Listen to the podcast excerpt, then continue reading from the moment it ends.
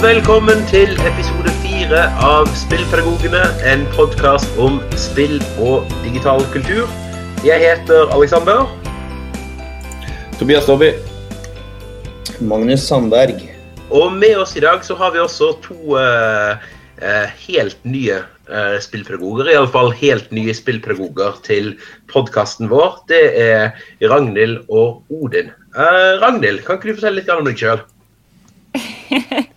Vet du, Jeg visste den kom, og likevel så er det like kleint hver gang. Men jeg skal si sånn Asel og hele Nei da. Eh, hva man vil vite, da? Eh, engelsk, norsk, psykologilærer eh, på Kjærlighet for spill. Eh, er med i spillpikkene.no. Gå inn dit. Eh, skriv litt for Filmpolitiet har jeg plutselig begynt å gjøre. Eh, Korpsnerd har vi funnet ut nå mens vi har venta på det her. Eh, og ja. Holdt på med det, stort sett. Ja. Yes. ja. Og vi, eh, vi i podkasten er jo spredd litt, eh, spredd litt over hele landet. Hvor er det du holder til, eh, Ragnhild? Trondheim. Det høres jo selvfølgelig på dialekter. Mm. Samme her. Det, det høres på dialekten. dialekter. Ja, høres her òg. Trondheim er en metropol. Med mange forskjellige Ja, og- dialekter. Eh, og den andre nye spillpedagogen, skal vi se om vi klarer å plassere han basert på dialekten. da. Odin, hva kan du si om deg sjøl? Oh. Vel, det er ikke så vanskelig å plassere dialekt, så vi havner iallfall på Sør-Vestlandet. Jeg holder til i Stavanger, jobber i Randaberg kommune. Og der jobber jeg som rådgiver hos skolesjefen. eh, og så har jeg litt mange bein. Jeg har en sånn forhistorie med å være lærer. Eller jeg har vært IT-konsulent på Høgskolen i Stavanger, lærer på Høyland ungdomsskole i Sandnes, inspektør i ti år på Harestad skole, og nå som sagt rådgiver hos skolesjefen fordi vi bygger ny skole, samtidig som jeg har undervisning på Harestad skole, på ungdomstrinnet der. Og jobben min er som sagt mest å bygge nye skoler, og så har jeg ansvar for IKT-satsingen i skolen. Og ellers er en sånn potet hos skolesjefen i forhold til saksbehandling og lovverk og økonomi og litt sånne ting. Og i forhold til spill i skolen, så har jo det vært en sånn kjær interesse fra jeg var åtte år gammel og far kjøpte en Superboard byggesettmaskin fra USA i 1978. Uh, så kan dere gjette hvor gammel jeg er. Uh, og- For meg ikke føler meg ung, i alle fall, Odin. ja. Eh, og egentlig sånn spill i skolen-biten, den begynte litt sånn i 2011, når vi begynte sånn én-til-én-prosjekt på Harstad skole i forhold til Android nettbrett. Og da vi da fyrte inn litt spill i forhold til å, krydre undervisningen, så har det egentlig bare fortsatt litt derfra. Og jeg har holdt på i mitt eget lille hjørne av Norge og jo oppdaget at vi er jo ikke alene rundt omkring. Og så har det tatt litt av mer og mer, og jeg blogger jo en del om det. Og kjekt å få være med her i, i podkasten om spillpedagogene. Ja, vi føler oss jo veldig privilegert som har klart oss å uh, eh, hanke dere inn, både deg, Odin, og deg, Ragnhild. Sjøl om vi kjenner jo litt til hverandre fra før, da. Det er, jo, det er jo ikke sånn at vi oppdager hverandre akkurat nå. Men alle har vel alle har vel møtt hverandre på et eller annet tidspunkt. Mm. Ja. Mer eller mindre, i hvert fall. Jeg tror ikke jeg har hilst sånn på gangen til men ellers har jeg jo hilst Nei. på Nei. Vi får hilse nå, da. Hei, hei. Hei. Men det er litt sånn som blir sagt, at det, det føles litt som man sitter på sånne egne øyne helt til man plutselig oppdager Det er en litt sånn sketchy kult, egentlig, det her. Eh, der man plutselig bare Ja, ikke sant? plutselig finner venner, og så må man være med på podkast. Nei da. Eh, det blir sikkert bra. In- Innvielsesritualet Ja, ikke sant. i, over- i eh, tidligere nevnte kult, selvfølgelig. Det er Så- jo bra at vi blir synligere. Ja. Yndlingsspillet deres for tiden eh, eh, Ja, altså, altså begynn med deg, Agnhild. Hva, altså, hva spiller du for tiden? Du, Rett før vi skulle begynne å ta opp nå, så snek jeg til meg et par kamper i Heroes of the Storm. Det er stort sett det det går i. Nå har jeg endelig klart å klatre meg opp fra Gold League til eh, Hva er det neste? Jeg husker ikke navnet engang. Eh, Er det er ikke platinum? diamant. Platinum, ja. Nice. Platinum 5, veldig fornøyd med det. Eh, APM-en er ikke helt på høyde med 16-åringene sine, men eh, Jeg, jeg godtar det. Så det er stort sett Heroes of the Storm, eh, i tillegg til det som vi forhåpentligvis skal spille i eh, undervisninga snart. Ja. En Dorin? Jo, Jeg eh, lever et sånn et liv med en tiåring i huset som jeg ender opp med å spille spill sammen med. Uh, Kjent uh, situasjon, det der. ja, altså det, The Last Guardian har det vært stort sett der på PlayStation 4, og noe Star Wars Battlefront som jeg er sånn middels interessert i som spill.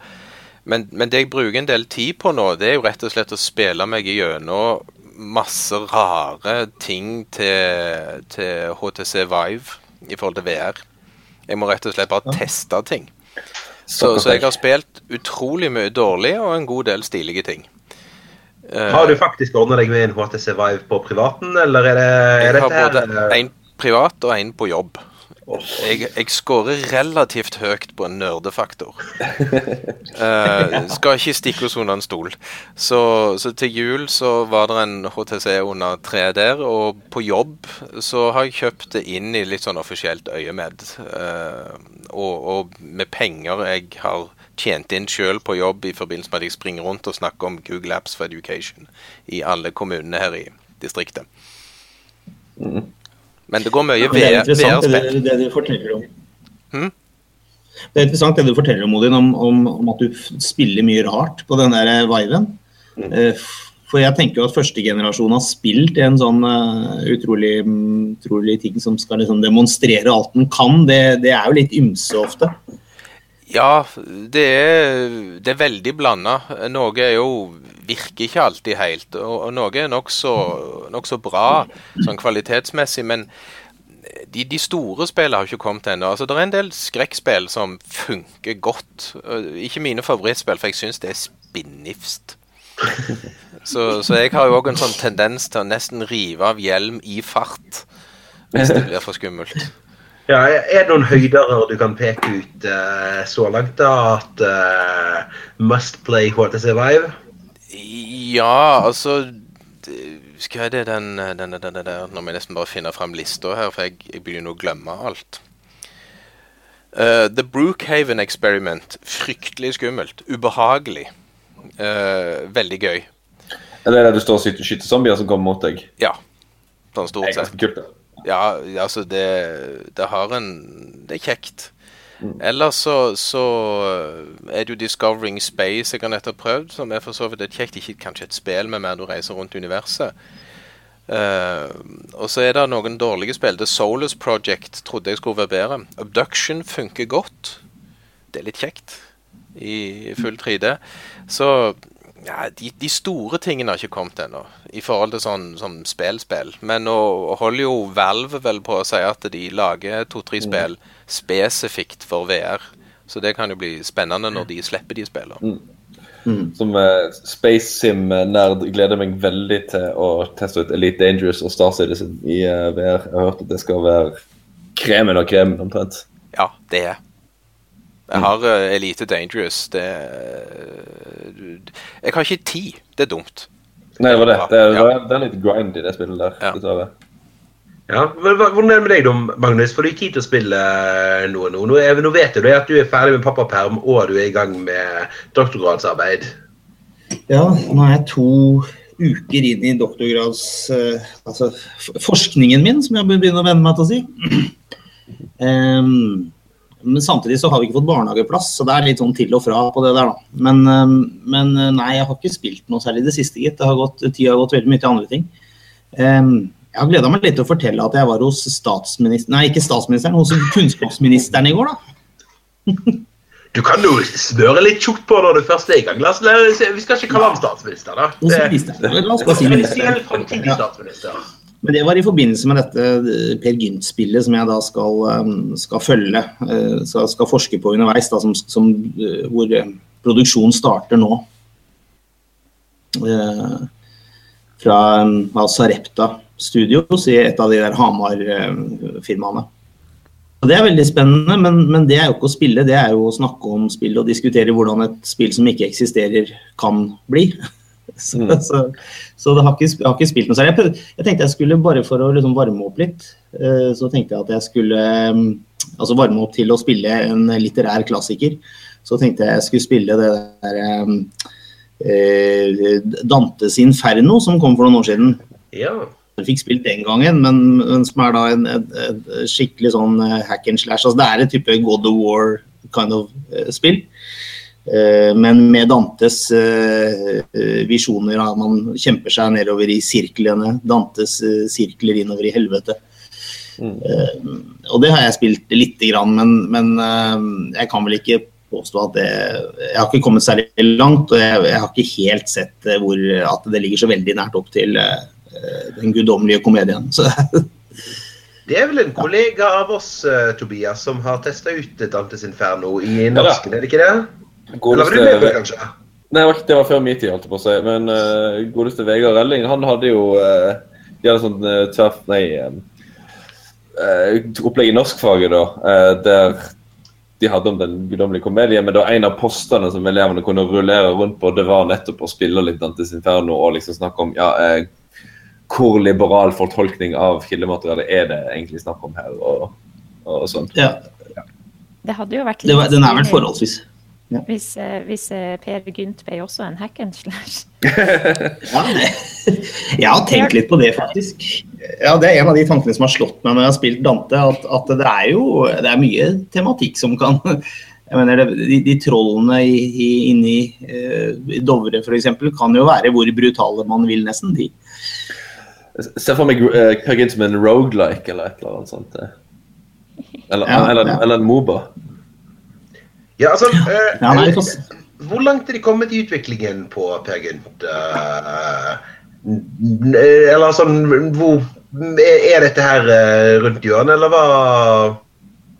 Nei, det er ikke rundt hjørnet. De har ikke kommet langt. De, har, de begynner egentlig nå. De har egentlig bare lagd en liten sånn eh, en pilot som, eh, ja, som ikke inneholder noe særlig i det hele tatt, egentlig. Um, og så, de med, så har de holdt på med fundraising og gjør det litt ennå fortsatt, og skaffer penger.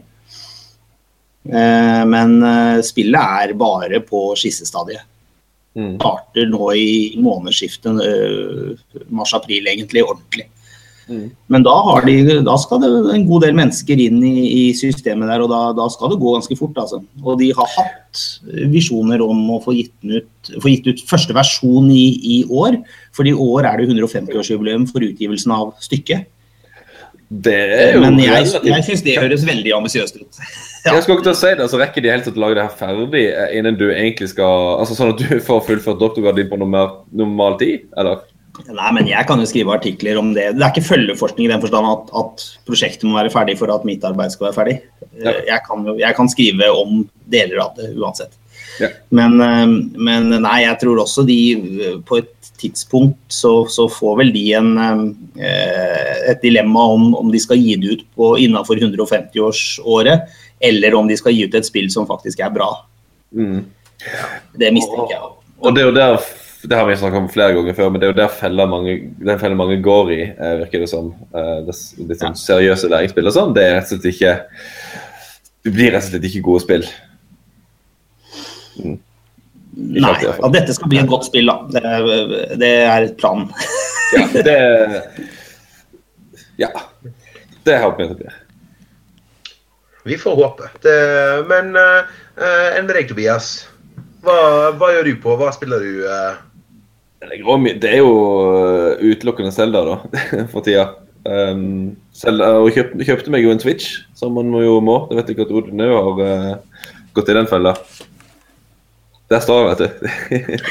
nice.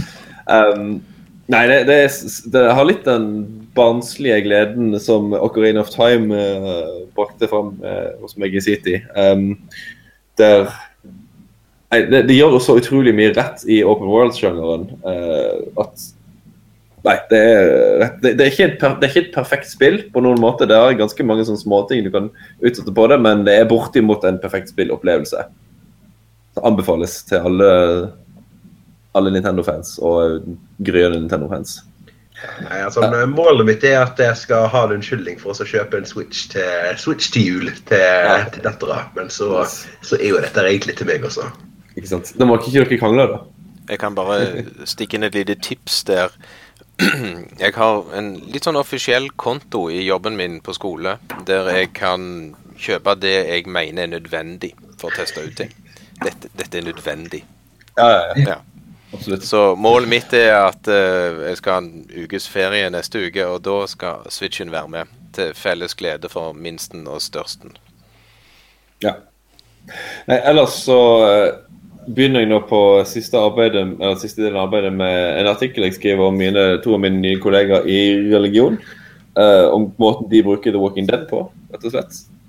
Der jeg er ute etter å finne ut um, ja, i hvor stor grad de fikser å bruke kommersielt spill undervisninga si, når de aldri har nesten ikke tatt i et spill før.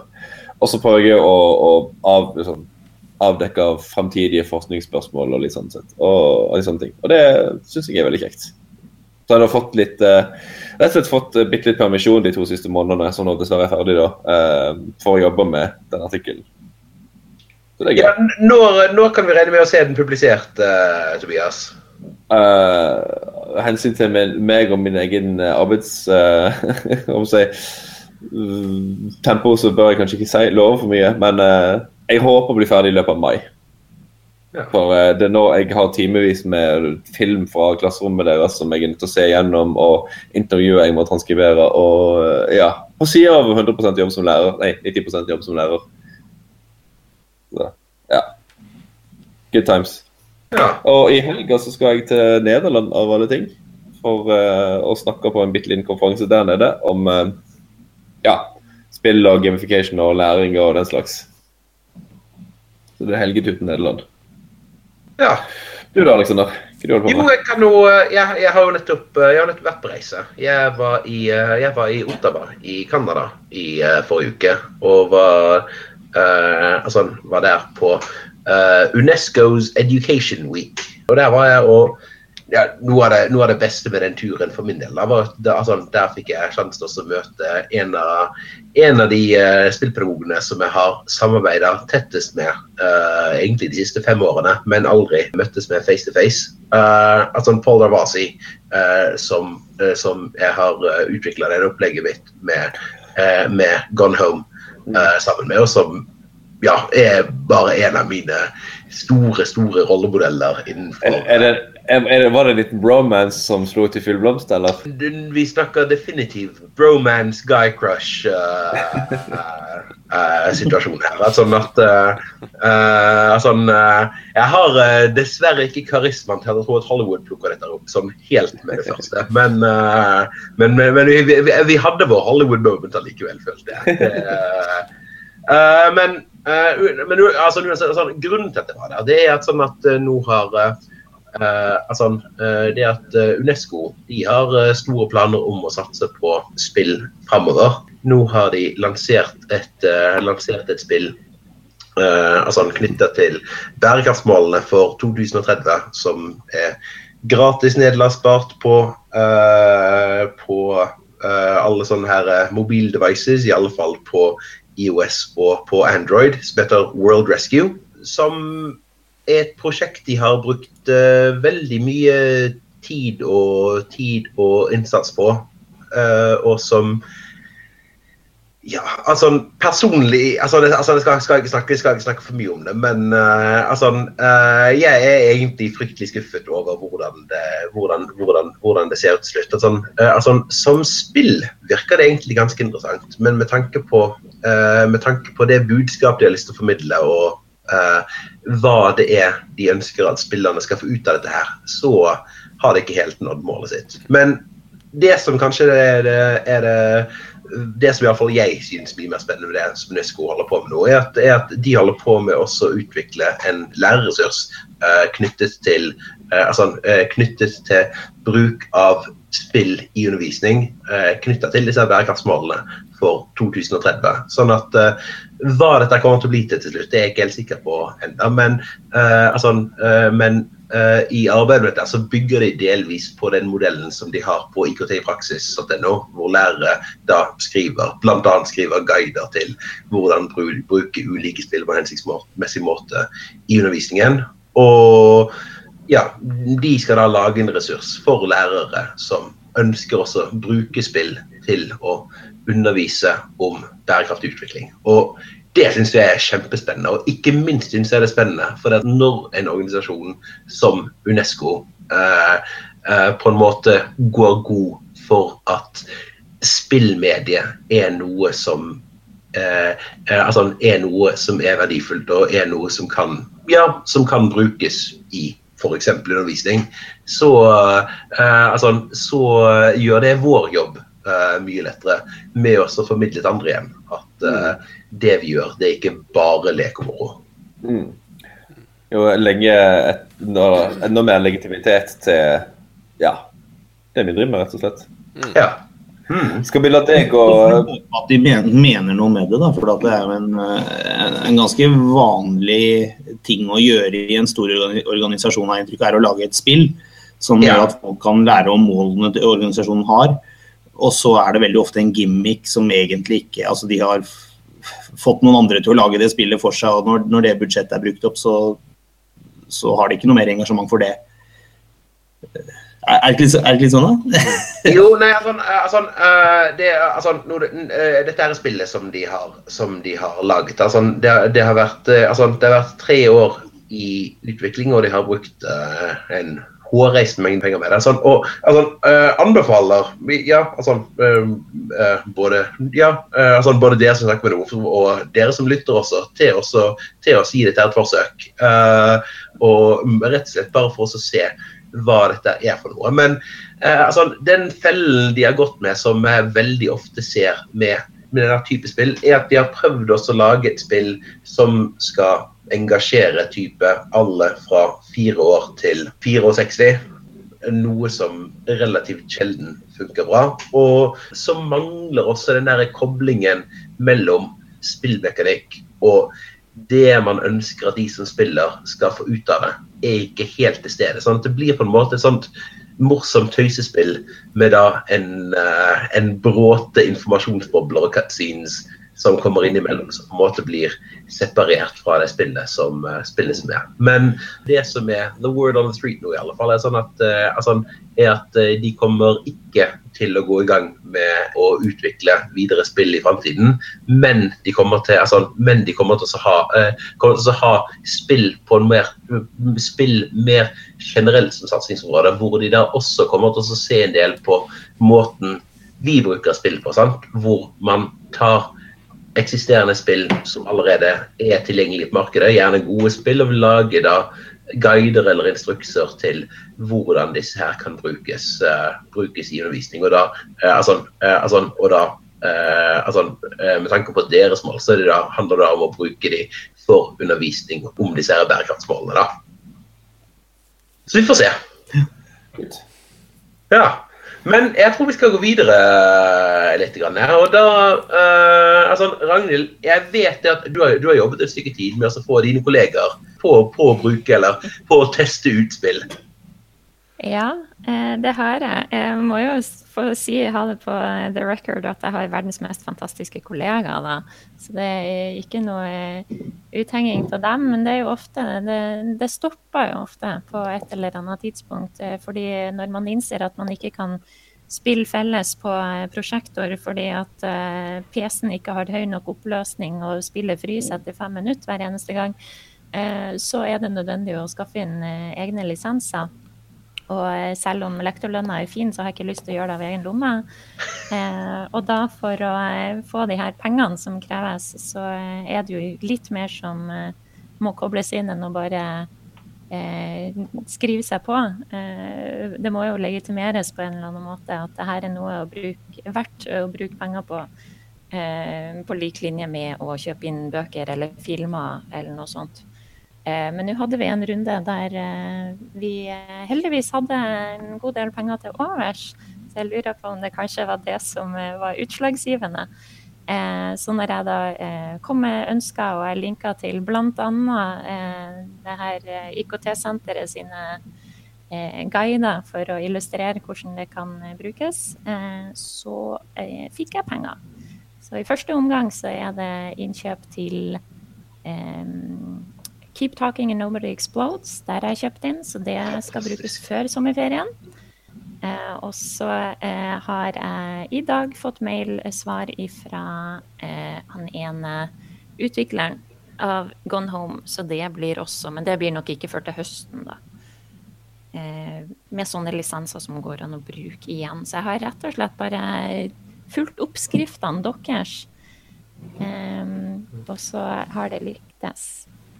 Eh, men nå har jeg nå igjen eh, De er såpass lydhøre at jeg har fått lov til å stått og bable for dem tidligere om eh, spill i undervisninga, men jeg lurer på om de kanskje syns jeg er litt sånn one trick pony, så de stenger meg av når jeg begynner å snakke nå. Så vi får se om de blir like grepet når spillene kommer oss i hende og vi faktisk skal teste dem ut. De må teste dem ut med meg.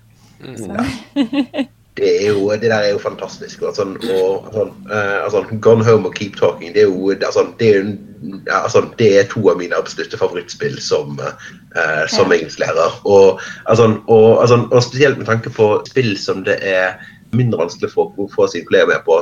Så Keep Talking den uh, altså, mm. altså, Det som er så fint med Keep Talking, er at i løpet av veldig veldig kort tid fra man har sett spillet, så har man en rimelig god forståelse av hva slags verdier dette kan ha. Mm. Mm. Og ikke minst med... at det blir veldig artig å teste ut med kollegaene mine. mm. Definitivt. Det, det, er jo på grensa til en, en selskapslek. Eh, det er det, det party, partyspill. Bare med hodet. Ikke sant. Men foruten det at pengene plutselig eh, ble frigjort noen midler, hva tror du det var som gjorde at de sa ja, OK, kjør på? Uh, hva var det som gjorde at det knakk etter at det klikka til slutt? Um, jeg vil jo tro at altså, det, det, må jo være en initiativtaker. Eh, Sjølskryt. Eh, men eh, hvis, det, hvis, det, er ingen som er nysgjerrig, eller som tør å prøve, så er det vel heller ingen som hiver seg på og sier ja, det er greit. Eh, så det å snakke om det og bruke det Jeg har jo brukt og eh, lagt ut Eh, bilder og ikke sant, bare det her eh, generelle småpratet eh, på pauserommet om mm. hvordan det kan brukes. Og så tror jeg også at elevene plukker det her opp og på en måte sender litt videre. Så når jeg i engelsken snakker om spillet jeg har brukt i psykologi, så vil jo andre psykologielever kanskje tenke ja, men hvorfor gjør ikke vi det? Og så blir det litt sånn kjedeeffekt kanskje. Så nei, jeg vet ikke. Men uh, at det står en ildsjel bak og har lyst til å teste, i hvert fall. Mm. Uh, og det er jo ikke så skummelt som man tror. Det jo, det jo... Men jeg har ikke jeg, jeg, kom aldri så langt, eh, Ragnhild, at, at, jeg fikk andre til Jo, nei, nå ljuger jeg litt. Jeg hadde noen historiekolleger som vi, vi, gjorde mye rart. Men ikke egentlig med dataspill, det var mer med brettspill. Men jeg, kom, jeg syns det var veldig vanskelig å komme over den terskelen fra det at de ga meg masse anerkjennelse og syntes det var utrolig kult hva jeg gjorde, og til å få noen med på å faktisk gjøre det i sine klasserom med sine elever. Ja. Eh, det, det, jeg kom aldri over den jeg, i løpet av mine år som spillærer på en videregående skole. Det er jo opp til dem, da, selvfølgelig. Eh, selv om jeg prakker dem på at de må teste, så eh, skal jeg jo ikke komme inn i timene deres og tvinge dem til å gjøre det. Eh, men jeg håper jo og tror at de, de ser nytteverdien. Da. Jeg ser for meg kanskje Gone Home er for noen av de som allerede har ytra at de syns det her er veldig spennende. Eh, men eh, sånn som Keep Talking, det er såpass lavterskel. Eh, og at ja. Mm. Det, det, bør på en måte gå av seg sjøl, og elevene fikser eh, mye av ikke sant, installasjoner og alt sånt, så det eneste læreren trenger å gjøre, er jo egentlig bare å veilede. Eh, mm. Hvis de har vært gjennom det en gang, så bør det gå ganske greit. Det skumleste for eh, lærerne er jo å gi slipp. jeg mm. tror det er der det ligger mesteparten av mm. tida. Det å, å, oppleve at oi, shit, det her fikser jeg ikke. Uh, mm. det, og det skjer jo med meg òg, selv om jeg har spilt spill hele livet. Så er det ikke sånn, Plutselig så er det noe som går skeis, eller noe som ikke går som planlagt. Og da må mm. man jo bare følge spillet, følge elevene. Ja. Det er jo litt um, en del av de tingene jeg jobber med nå. Plutselig oppdager jeg jo, som jeg jo egentlig vet, at i den gjengen som er nå, så er jo jeg grunnskole. Dere er videregående eller høyskole. Uh, og, og, jeg har en litt sånn erfaring som er litt annerledes. Den, jeg er jo enig i den ildsjelsbiten til. Det er en eller annen gale eple som må dra det i gang i klassen sin. Uh, og, og, på Harestad, så har det gjelder i Randaberg, så har det vært stort sett meg. Og erfaringen er jo positiv i forhold til hva de andre lærerne har lyst til når de får vite om at jeg gjør det. Men det er utfordring å få de til å vite om at jeg har gjort det. Og jeg er jo kronisk ikke blyg. Uh, og, og, Det betyr at jeg blogger om det, jeg forteller gjerne om hva jeg har gjort. Og, og da får du ofte den reaksjonen fra kollegaer om at det, det har jeg òg lyst til å gjøre. Jeg òg har lyst til å spille Minecraft i, i, i timene mine. Bruke Hungercraft i KRL-undervisningen. Jeg òg har lyst til å ta Keep Talking and Nobody Explodes inn i, i timer og sånne ting. Og, så det som jeg har jo da dunkt mest borti, det er jo mer den logistikkproblemet som kanskje er mer fra grunnskole enn videregående skole, er at elevene har nødvendigvis ikke hver sin maskin. Mm. For mange skoler så er det en utfordring. Den andre biten er jo det at eh, de, de kan ikke nødvendigvis få ansvar for å kjøpe spill, installere spill og litt sånne sjøl, så du som lærer må stå for mye av det. Og da er det veldig mange lærere som detter lasset fort. Det og, og så det er en sånn logistikkproblem i, i, forhold til å komme i gang med spill i skolen. For jeg tror det er mange lærere som har, har lyst til en sånn lavterskelbit. Og jeg, jeg kan nevne et eksempel. Eh, vi hadde nettopp en skoleledersamling i Randaberg kommune, og jeg hadde fått oppgave på dag to, en sånn myk start etter en litt lang kveld. Uh, og, og, da hadde jeg da fått i oppdrag om at OK, presenter litt spill i skolen fra en sånn helt enkel, praktisk ting, og der satt alle skoleledere med Chromebooker. Uh, som jo da stort sett bare går på web. Og, og løsningen ble jo for så vidt enkel. Det var geogesser i forhold til å gjette hvor du er i verden, mm. som et spill. Uh, vi delte bare inn i lag og lot de spille mot hverandre. Uh, funkte som en kule i forhold til ivrige skoleledere som prøvde å gjette hvor de var hen i verden. Uh, og spill nummer to spent, rett og slett. Uh, og, og, den traff veldig godt i forhold til at de oppdagde litt hva et spill kan være i forhold til det med opplevelse. Eh, se ting fra andre synsvinkler. At det var kjekt å spille, selv om spillet ikke var morsomt. Uh, så, så, det var, var, veldig mye greit for meg å, å, bare plukke i forhold til litt sånne Hva kan et spill i skolen være? Og selvfølgelig læreren sin rolle i forhold til hva spillet kan være. Uh, og bare etter den samlingen der, så var det jo da en god del skoleledere som tok den de to lenkene og delte de ut til alle lærerne og sa bruk dette, dette er bare å dra i gang. Og jeg har allerede fått en del tilbakemeldinger om at det er gjort. Folk har tatt det i bruk i, i klassene sine i forhold til det. Så, så, det er noe med få denne personen som gjør det, til å gjøre det, til å dele den informasjonen og hjelpe den. Det er veldig mange lærere som jeg opplevde som har lyst til dette. Uh, men logistikken kan stoppe de i forhold til det. Det er en mm. hovedutfordring, ser jeg. Da har jeg mange løsninger til dem, for nå har jeg jo holdt på i noen år uten å ha noen penger til det her. Og da finner man ganske mange måter å få det til på som er litt lavterskel. F.eks. å prøve å spille felles eller bruke Congregate, eh, som har en del sånne små webbaserte spill. Eh, så det er litt sånn prøv og feiling på akkurat det. Men jeg er helt enig i at det er en eh, logistikkutfordring også i videregående, for elevene er ikke så flinke teknisk som i hvert fall ikke eh, som vi tror. Eh, så det må ha noen runder på eh, sånne type ting. Men når det først er på plass, så, eh, så er det jo ordentlig på plass. Mm. Jeg tror jeg de får mye utbytte av det. Men Men den delingsbiten er veldig viktig. Mm. Jeg tror det er et veldig viktig poeng, akkurat det der med å vise helt konkret hva som funker, og få liksom, de som ikke har spilt så mye før, til å forstå at dette kan du faktisk få til. For det krever ikke at du er en ekspert gamer. Du må bare først og fremst veilede, altså, veilede elevene gjennom den, den faglige refleksjonen og, og knytter bånd mellom spill og fag. Mm. mm. tenker jeg, å, å forstå at det er førstehåndsjobben deres. De skal ikke liksom ja, jeg, jeg, drepe sånt. Ja, sånt. Ja. Jeg har fått en utfordring på en sånn GLU-konferanse, eh, lærerskole, høy, høyere utdanning, om, om, å snakke om hva ønsker jeg som skoleeier i den settingen at, at lærerskolene skal gjøre med studentene sine i forhold til digital kompetanse. Og, og, jeg har tenkt å skyve det litt ut på et sidespor og si at hva de kan av digital kompetanse kan være litt så som så, men jeg ønsker trygge lærere. Eh, som, som våger ting de kanskje ikke opplever seg så trygge på, men der de er trygge på seg selv som lærer og hva de ønsker å utføre i en time. Og dermed lettere kan gjøre ting, og digital, og spill i skolen, og andre ting. Mer enn at de blir trent opp i hvordan å bruke PowerPoint eller Kahoot eller sånne ting. For, for, det er noe med å få den trygge læreren som våger, eh, når de tar et steg ut på en vei de egentlig ikke har gått før. Det, det er jo den typen lærere vi vil ha. Mm.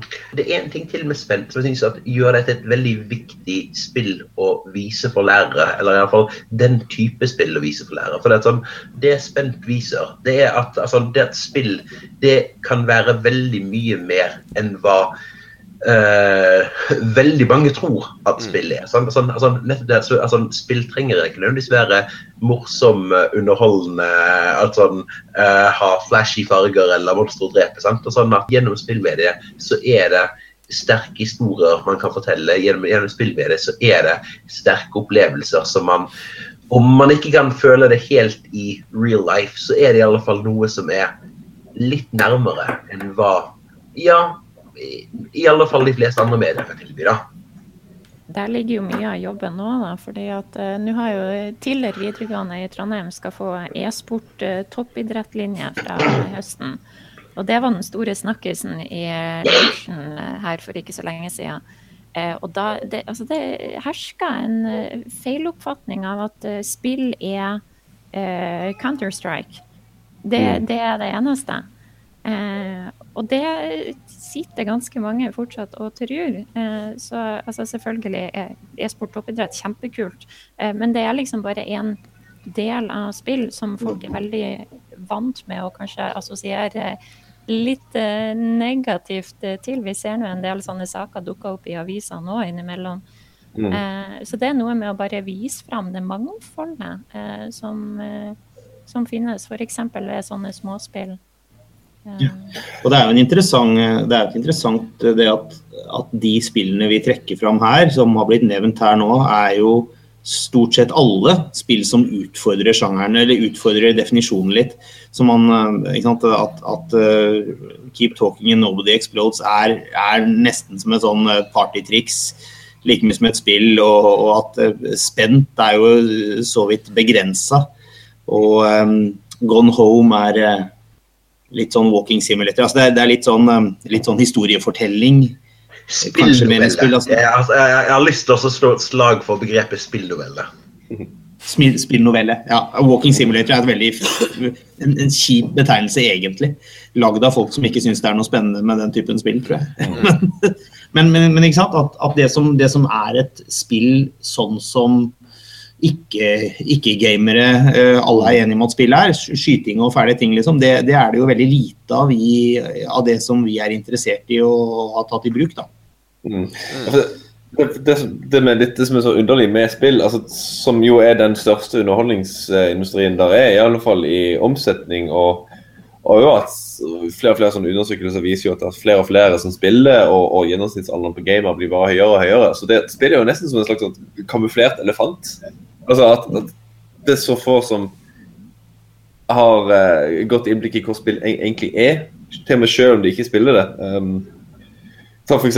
TV-serier som, som Game of Thrones eller Skam. Selv om du ikke følger med på dem, så vet du jo godt hva det går i. Altså, Nå er vi nede på enkelte TV-serier, ikke sant? men dataspill blir dekt så lite i, i offentligheten av, av, av nyhetsmediene og kulturmediene at folk flest, ja, som, uh, som Magnhild sier, de tror det er Counter-Strike og World of Warcraft, og det er det. Her eh, kan jo sikkert eh, Per Gynt hjelpe litt, da, for det har jo allerede blitt en liten snakkis blant norsklærerne. Mm. på min skole, og eh, at jeg tydeligvis skal være eksperten som skal vise dem hvordan det skal brukes. Da. Eh, men eh, det er noe med å finne de her eh, litt sånn eh, eh, ja, altså inngangene til det. F.eks. ved å knytte opp mot noe som norsklæreren kjente, Per Gynt. Eh, eller eh, andre typer inputs. Mm. Ja, og det, Jeg håper, Per Gynt blir dritbra. For det er sånn at Ja. eh, altså, altså, Per Gynt blir dritbra, så eh, å ha det No som gateway drug Ja. inn i eh, alt det andre som vi driver med, det hadde vært helt, helt fantastisk. Ja. Det store forskjellen på Per Gynt altså Nå vet vi veldig lite om hvordan det blir foreløpig, men den store forskjellen på det og alle de spillene vi har nevnt eh, hittil i dette programmet, det er jo at det er et læringsspill. Nei, ja, Bortsett fra Spent, det er jo også et, et, kanskje et læringsspill. Da, men, men, eh, men det er den store utfordringen, tenker jeg. At, at man sitter der og kunne lagd et veldig bra actionspill om Per Gynt. Men, men her er det en erklært lærings, eh, læringsutbyttemålsetning. Og den må man klare å nå uten at spillet blir dårlig. og Det, det tror jeg er den store, store utfordringen. Da. Så det vil si vi må vente på hack and slash-versjonen av Per Ja, nesten. Altså, Jo, jo, men det er jo, en, det er jo en sånn klassisk utfordring i forhold til en del spill. Altså, nå driver jeg ennå på denne bloggen min som aldri blir ferdig om disse ulike typer roller spill kan ha, og jeg liker jo å framheve en type spill som f.eks. en Human Resource Machine. Som, som er jo et konkret spill som lærer deg å programmere gjennom programmering. Uh, og- sånn at det, det er jo et læringsspill i bånn. Uh, bare at de har klart å lage et veldig kjekt spill på toppen av det. Sånn, sånn at det er noe med å ta på en måte det du ønsker at du skal lære de som spiller spillet, og så lager du et bra spill som lærer de det. Og selvfølgelig kan du gjøre det med Per Gynt òg, hvis du bestemmer deg veldig på forhånd. Hva er det vi har lyst at de som spiller dette spillet, skal ha lært når de er ferdige? Og så lager du et bra spill som lærer de det på toppen. Eh, og, og, og Om det da er et læringsspill eller om det er et kommersielt spill, da blir den grensa veldig visket ut, fordi ideen er mer vi skal lage et spill, men selvfølgelig har den bånd et eller annet sted. Jeg tror jeg har en utfordring, eh, en sånn barriere da, for eh, å nå fram til de ja, kollegaene våre som ikke, så, som ikke spiller. Eh, Ja, for det første, som dere sier, det med bare generell kunnskap og, hva, hva spillmedier kan gi. Men jeg har jo etter hvert på noen eh, foredrag merka at eh, det er noen som er på en måte litt lei av den her IKT skal redde skolen, yeah, vi må mer IKT. altså De er litt sånn trøtte på det der, og, og derfor mye mer skeptiske til ja, ok, han her unge jyplingen, eh, hva nå han skal fortelle meg, liksom. At eh, Jeg hadde et foredrag forrige uke for eh, noen religionslærere og filosofilærere og politikk- og menneskerettighetslærere, og så skulle jeg inn rett etter eh, filosofen eh, Henrik Syse. Og, hadde, og jeg kommer inn sånn ti minutter siste for, delen av det siste foredraget hans. da, og eh, skjønte jo at ok, nå har han lagt lista ganske høyt for meg. er Det er litt rart å komme og snakke om zombier og postapokalypse etter, etter dette her, da.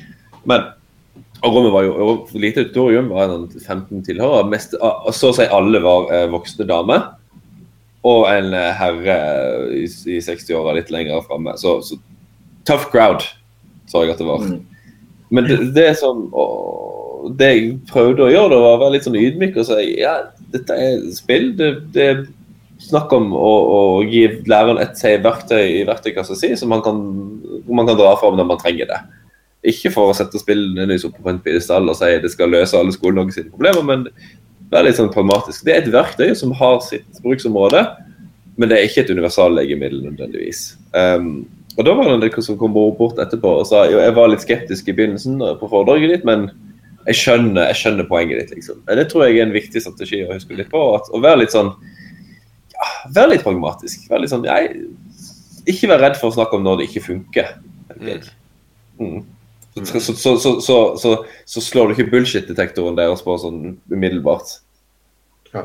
Jeg har lyst til vi skal rekke en til post uh, før, vi, før vi runder, runder dette programmet. Og det er sånn, du, Odin, er sånn, du er jo den eneste skolelederen blant oss, og som skoleleder så har du altså, eh, Som skoleleder så har du jo noen eh, muligheter som ikke resten av oss har, til også nettopp få med, altså, eh, altså, få med lærerkolleger på denne her type spilltanker som vi snakker om. Og jeg vet at du har en del veldig veldig spennende ting på gang, eh, på gang i Randeberg.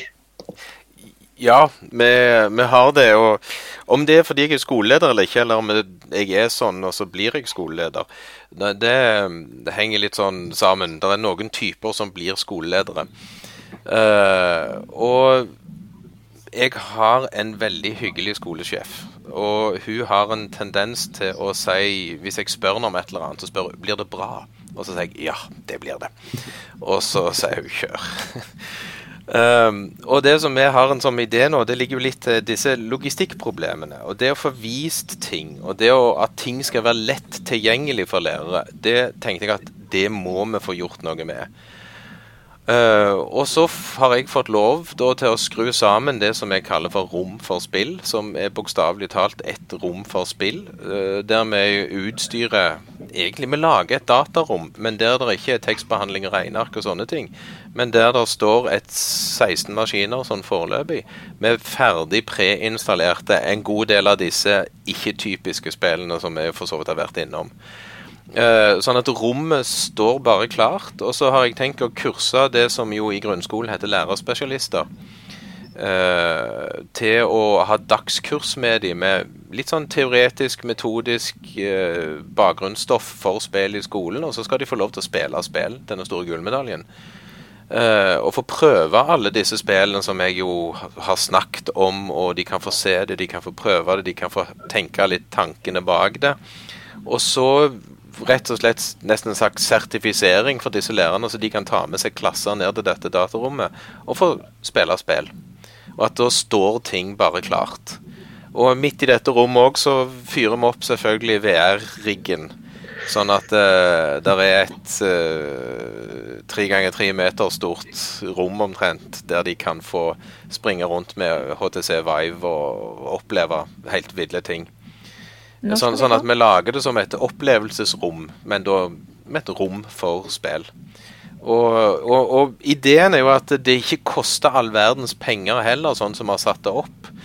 Uh, selvfølgelig det, det, er en liten utfordring det å skaffe lisenser og sånne ting. Og nå har jo jeg drevet mitt eget lille løp opp der og, og gjort ting ordentlig. Men skal jeg lage enda et sånt et rom, så blir det selvfølgelig litt jobb med å skaffe disse lisensene.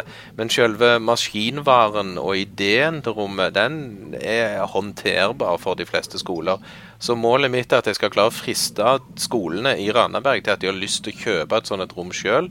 For det som jeg har, det er mitt i anførselstegn, og jeg drar det med rundt på skolene og har det der stående i et halvt års tid om gangen. Og faktisk første gang det skal i produksjon, det er jo sammen med Tobias eh, på mhm. lesekonferansen. Den nasjonale 3. og 4. april, er det ikke da? Jo. Uh, den andre dagen der skal Nordahl Grieg videregående ha et innlegg eh, om spill i skolen. Og det skal være en workshop etterpå, og da har jeg sneket meg inn sideveien og skal være Tobias gale assistent. Med lille T-skjorte og litt for mange Red Bull-flasker. Uh, Fantastisk. Det, men sånn at jeg, jeg, har litt blandede følelser om dette, her, Odin. Det må jeg bare si. Altså, for det at uh, Jeg og Tobias har jo et ønske om at det nå er Bergen som skal på en måte bli spill i skolen hovedstaden. Og, ikke så langt vekke. Nei, det, altså, vi, vi, får satse på en ny vestlandsregion. Ja.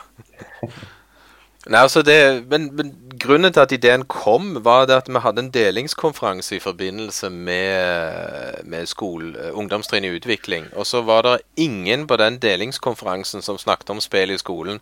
Og da satt jeg jo og gremtes og lurte på hvorfor, hvorfor har ikke jeg hevet meg sjøl fram her og sagt at vi holder på med spill i skolen, istedenfor å lage laminerte matematikkoppskrifter du kan ha som tallerken, eller sånn underlag til mm. middagstallerkener og sånne ting. Uh, og, og, da tenkte jeg etterpå at nei, vi, vi, må promotere litt sånn offisielt spill i skolen, og, og få gjort det fra skoleledernivå og utover. Uh, og, og, rett og slett få skoleledere til å plukke opp det som skjer på skolen. For, for, jeg er ikke den eneste læreren i Randaberg som gjør det. Men han andre som er veldig aktiv, han blir ikke liksom plukket opp helt og løfta fram, sånn som han kanskje burde. Så det har jeg lagt på meg at det må være min jobb òg framover. Og, og, og produsere holdt jeg på å si, informasjon om det som skjer, og sånn at folk får vite det, og får vite at det er veldig bra, det som foregår. Mm. Kjempemessig. Så det er jo en plikt. Vi må jo snakke om det. Vi er nødt til å lage lyd. Så, så jeg har jo, jeg har jo purd litt til på, på, i Senter for IKT om at de må få til en konferanse i Bergen til høsten. Med omspill i skolen. Ja, vi har purra litt på dem. Ja. Um, Men er ikke den årlig? Den, det var jo en Det var gang. 2015. to år siden. Ja, faktisk. Det er to år siden allerede. Yes. Ja, og nå, eh, altså Per nå så ser det ut til at det ikke blir konferanse i år. Men eh, jeg tenker det, at vi, eh, tenker det at vi må fortsette å legge press alle de steder hvor vi kan legge press, for at det i alle fall blir en konferanse året etter. Og tenk hvor mye spennende da som har skjedd i Skole-Norge. som kan har Deles videre. over Skype. Mm. Ja, ikke sant. Det skal mye til for å overgå eh, det programmet de hadde nå første gang de kjørte. Eh, Ja. Det mye bra. Men da tenker jeg det at vi er kommet til eh, veis ende for uh, denne episode fem av Spillpedagogene, en podkast om uh, spill og digital kultur. Takk for at dere hørte på, dere som hørte på. Um, vi er plutselig tilbake. Ja. Ja, og awesome i dag at vi fikk med oss eh, Odin og Ragnhild. Det er eh, to eh, lysende stjerner rundt om andre steder i eh, Skole-Norge. Og det er, det er flere lysende stjerner der ute. Og nå må de fram med lyset.